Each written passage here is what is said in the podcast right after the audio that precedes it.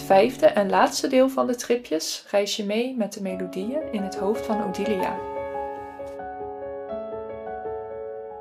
Ik heb altijd eigenlijk muziek in mijn hoofd gehad en dat vond ik normaal, want mijn moeder heeft het ook en mijn grootvader heeft het ook.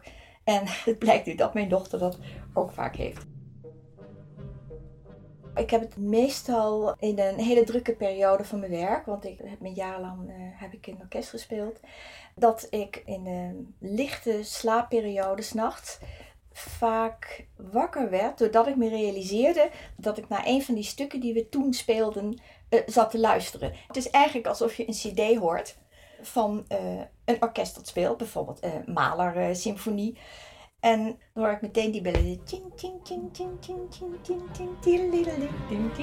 Ja, dus, dus dat, is, dat, dat hoor ik dan meteen.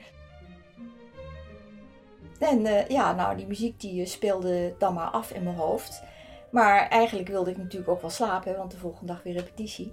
En uiteindelijk heb ik ontdekt dat als ik daar een um, tegenmuziek opzet, dus dat doe ik dan in mijn hoofd, dan denk ik aan ander, een, ander stuk en dan met name aan een bepaald stukje uit het Weihnachtsoratorium.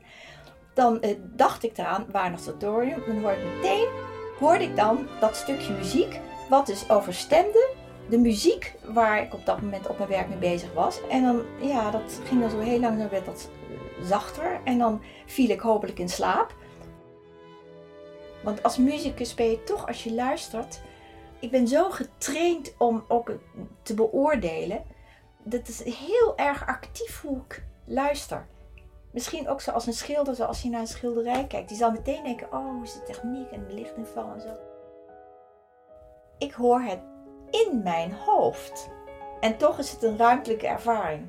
Het lijkt alsof ik een heel groot hoofd heb zonder schedel. Dus mijn hoofd is een soort um, hele grote klankruimte. Wat bijvoorbeeld ook helpt, is uh, praten. Dus zodra ik ga praten, dan uh, is het weer even stil of het overstemt de muziek. Maar uh, soms is het dan ook zo, als ik dan weer mijn mond hou, dat het stuk gewoon door blijkt te gaan en ik gewoon in een ander deel zit.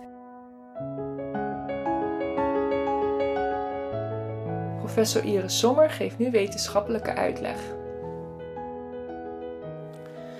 We hebben allemaal wel eens een liedje wat maar doorjengelt in je hoofd, wat je niet echt kwijtkrijgt. Ja, wat is dat dan, zo'n liedje? Vaak is het alleen het refrein, waarvan je de tekst eindeloos blijft herhalen zonder dat je het wilt. Bij Odilia is iets anders. Um, zij heeft een muzikale hallucinatie.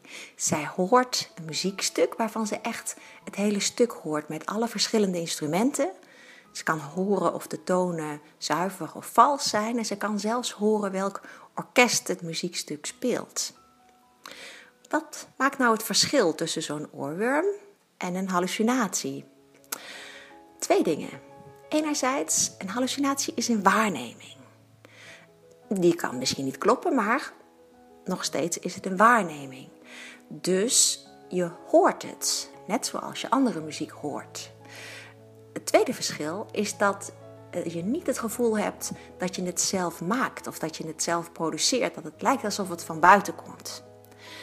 Waarneming is een samenwerking tussen je zintuigen, in dit geval de oren en de hersenen.